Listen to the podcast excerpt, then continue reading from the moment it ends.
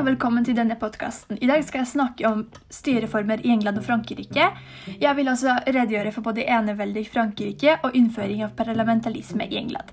Jeg skal se på hvordan disse landene har utviklet seg i hver sin retning i løpet av 600-tallet, og jeg vil se på forskjeller og likheter i utviklingen av disse to stormaktene. Ludvig den 14. er en av de mest berømte historiske personene i Europa. Han forbindes med kallenavnet Solkongen eller det fantastiske slottet Versailles. Den franske kongen er nesten alltid assosiert med en stor makt. Han regjeringstid fra midten av 1600-tallet til begynnelsen av 1700-tallet var det store århundret, da Frankrike var foregangsland innen smak og kultur i Europa. Før eneveldet ble Frankrike styrt under Hans den første, men under hans etterfølge brøt det løs store konflikter mellom katolikker og protestanter, og i 1598 fikk protestantene avtalefestet rettighetene som nærmest gjorde dem til stat i staten, og mellom 1624 og 1666 ble Frankrike ledet av de to førsteministrene Gislinu og Mazarin. Og Det var først på 1600-tallet at Frankrike begynte å bli noe mer stabilt land, med en endelig respekt for eh, kongemakten og styret. Men dette var riktignok ikke slutten på krigene, men med et stabilt kongedømme så kunne Frankrike utnytte ressursene for å sikre seg enda større landsområder og rikdom. Og det gjorde at Frankrike på 1600-tallet vokste fram som en økonomisk stormakt, men måten de gjorde det på, var ikke så særlig populært i andre deler av Europa. Ludvig 14. overtok makten i 1643 etter faren Ludvig 13.s død, men da faren hans døde, så var han bare fire år gammel. Og derfor, så lenge han var umyndig, så har makten ligget hos kardinal Mazarin, som var første minister. Og det var først etter Mazarins død i 1661, da den 22 år gamle Ludvig erklærte at han ville overta makten. Han innførte en styreform som blir kalt enevelde eller absolutt monarki der den kongelige makten er ubegrenset, og den dekker alle områder av det politiske, økonomiske og sosiale livet. Og kongedommen var guddommelig i opprinnelsen, så kongen var kun ansvarlig overfor Gud for hans handlinger. Og eh, jeg kjente sitaten 'Staten det er jeg', sa Ludvig 14., og der var det ingen tvil om hva han mente. Og Fra begynnelsen av hans regjeringstid så begynte han å innføre en serie reformer i Frankrike, inkludert økonomi, hær, offentlig orden og samt skatter og toll. Og Dette medførte bl.a. at høyadelen mistet mye av sin politiske makt i kongen, som regjerte med støte fra flere dyktige rådgivere. Men allikevel hadde Ludvig 14. begrenset makt, og nærmest kongen sto de som utgjorde kongens råd. og Deres oppgave var jo å forberede saker for kongen og drøfte det med han og sette i verk hans endelige beslutninger. Og kongens høyeste domsfunksjonen var etter hvert overført til en del av rådet som ble kalt parlamentet, som også fungerte som høyesterett, men parlamentet i Frankrike var ikke det samme som parlamentet i England. Hadde ikke samme rolle, altså. Og eh, kongen hadde også to andre forsamlinger som han kunne innkalle til rådgivning og drøfting. Og det minste var stormannsmøte, som besto av fornemme personer som kongen inviterte etter behov. Og den største var stedeforsamlingen, med valgte representanter for presteskapet og for adelen og for de øvrige gruppene av folket. Og når nye skatter skulle skrives ut, så måtte det være samtykke fra stedene, og de franske stedene var mer villige enn de engelske til å gi kongen det han ville ha, og grunnen til det var at to av stedene, altså adelen og diesler, slapp å betale, så hele skattebyrden falt ned på tredje siden. Og kongen fikk også rett til å skrive ut visse skatter selv. Og det som var veldig viktig, var at Ludvig 14. unnlot å kalle inn til stormannsmøter og stedeforsamlinger, Og han holdt seg bare til rådet, og han satte seg veldig personlig inn i sakene og motvirket alle tendenser til måte, manipulering fra personer eller grupperinger i rådet.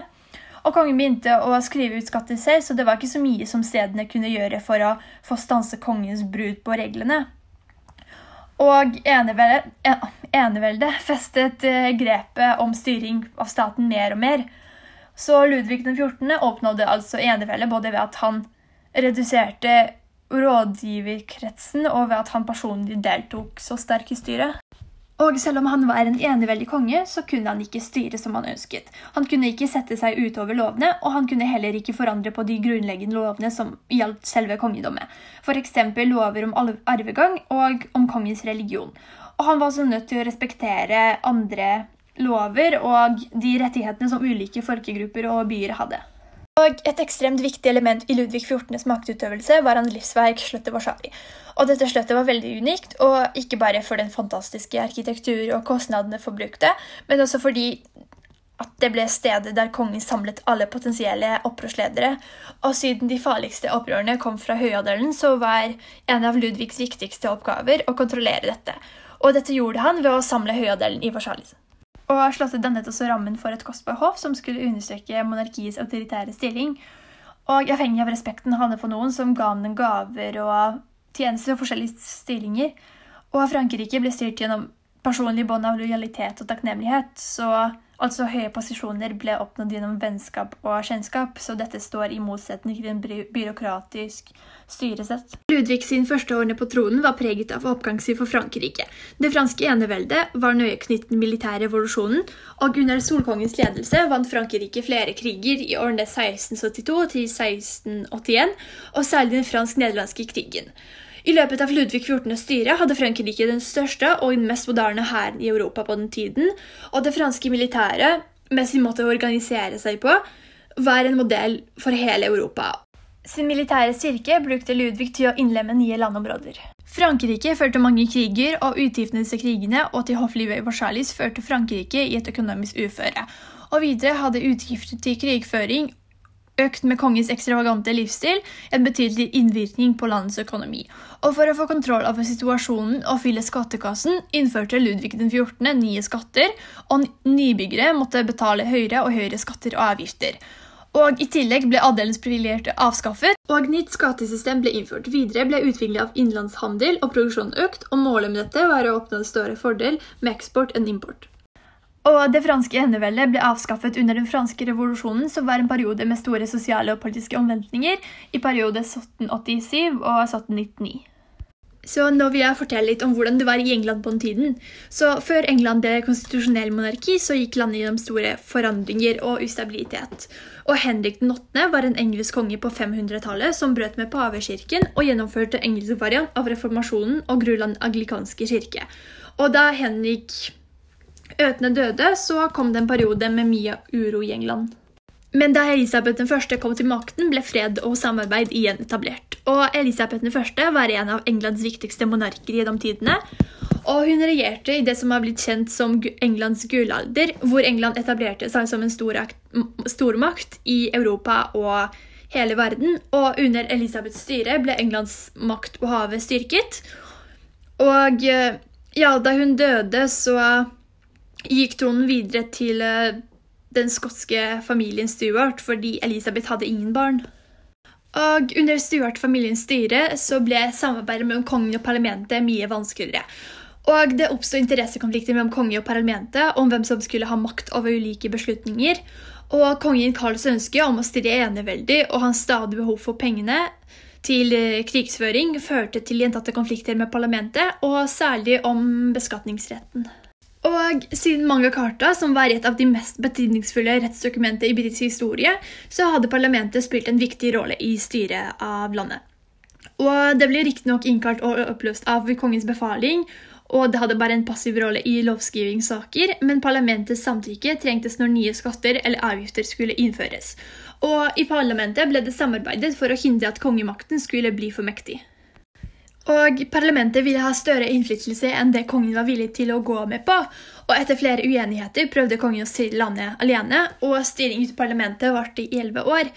Men i denne perioden så våget ikke kongen å legge på nye skatter, men brukte samtidig alle knep for å fylle statekassen. Men i 1640 så gikk skottene til krig mot England, og da måtte kong Karl, Karl 1. Uh, kalle inn parlamentet igjen. Så kombinert med religiøse og andre konflikter eskalerte denne striden til borgerkrig i 1642, der partene reiste hver sin hær, og det endte med at Karl 1. ble fanget og henrettet i 1649. Og, eh, men det var likevel ikke parlamentet som ble sittende med makten, men offiserene som kommanderte pa parlamentets hær. Og eh, Oliver Cromwell var leder for parlamentets hær, som gikk imot kong første. Og så det var på en måte han som fikk makten, og han innførte et militærdiktatur. Men hans styre ble forhatt, og etter hans død så kom tilhengere av kongedommen på offensiven, og i 1660 ble Karl 2. satt på tronen. Og da Jakob 2., broren til Karl 2., overtok i 1685, skar han seg fordi han hadde konvertert til den katolske kirken, og i sitt andre ekteskap fikk han en sønn som han dopte katolsk. Og dette ville ikke det protestantiske flertallet i England godta, så Jakob måtte derfor flykte, og hans protestantiske datter fra første ekteskap kom til makten, og hun het Mary og var gift med en nederlandsk statsholder, Wilhelm 2. Og kuppet ble gjennomført med en nederlandsk hær, og omveltning her i engelsk historie fått navnet The Glorious Revolution. Parlamentet vedtok nå en høytidelig dokument, Declaration of Rights, som fastslo vise grunnleggende borgerrettigheter og en endelig maktfordeling mellom kongen og representativ forsamling. Og ifølge loven kunne ikke kongen bryte lovene eller skrive ut skatter eller holde stående her uten parlamentets samtykke, og dermed ble eneveldet umuliggjort i England. England fikk et parlamentaristisk styresett, som betyr at kongen måtte velge sin regjering fra flertallet i Underhuset i parlamentet, og regjeringen måtte gå av dersom den mistet tilslutning fra dette flertallet.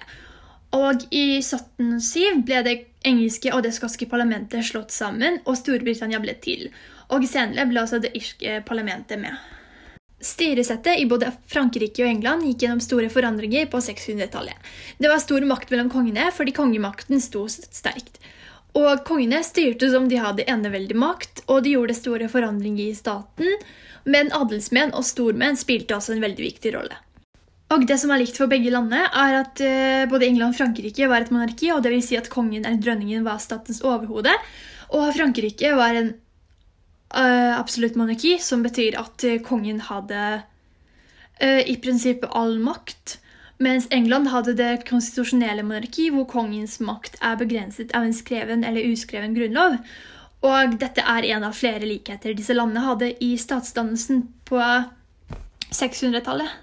Og en annen ting som er likt for begge monarkier, er loven om arvegang. Og det betyr at tronen går fra en medlem av en herskende familie til en annen medlem av samme familie. Og ja, begge landene hadde altså en arvelig monarki. En av de viktigste forskjellene mellom disse to landene var at statsstyringen var lagt opp på forskjellige måter. Frankrike fikk eneveldig styre for, der Ludvig 14. erklærte at han personlig var staten, og den franske kongen hadde mye mer makt enn kongen i England. I England var det litt annerledes. Stedene var ikke med her, og i stedet hadde det over tid vokst fram en bestemt maktfordeling mellom kongen og parlamentet. Den statsformen som vokste fram i England fra 1688, var på mange måter ulik fra statsformen som tidligere hadde hersket. Den Bill of Rights som ble vedtatt av parlamentet, satte nye grenser for kongens makt. England endte med en parlamentaristisk styresett, en styresett der kongen og regjering ikke kan styre mot viljen til flertallet i en valgt nasjonalforsamling. Dette hadde også innvirkning på skatteinnkreving. I Frankrike kunne kongen kreve inn skatter uten stedenes samtykke, fordi kongen hadde i prinsippet all makt. Mens i England derimot trengtes parlamentets samtykke når nye skatter eller avgifter skulle innføres. Selv om disse landene ble styrt på ganske forskjellige måter, så har både Frankrike og England gått gjennom stor forandring på 600-tallet, og det var en viktig periode for begge landene. All informasjon og fagstoff som jeg har brukt i denne podkasten, eh, kommer fra Skoleboka Portal og nettsiden en del av.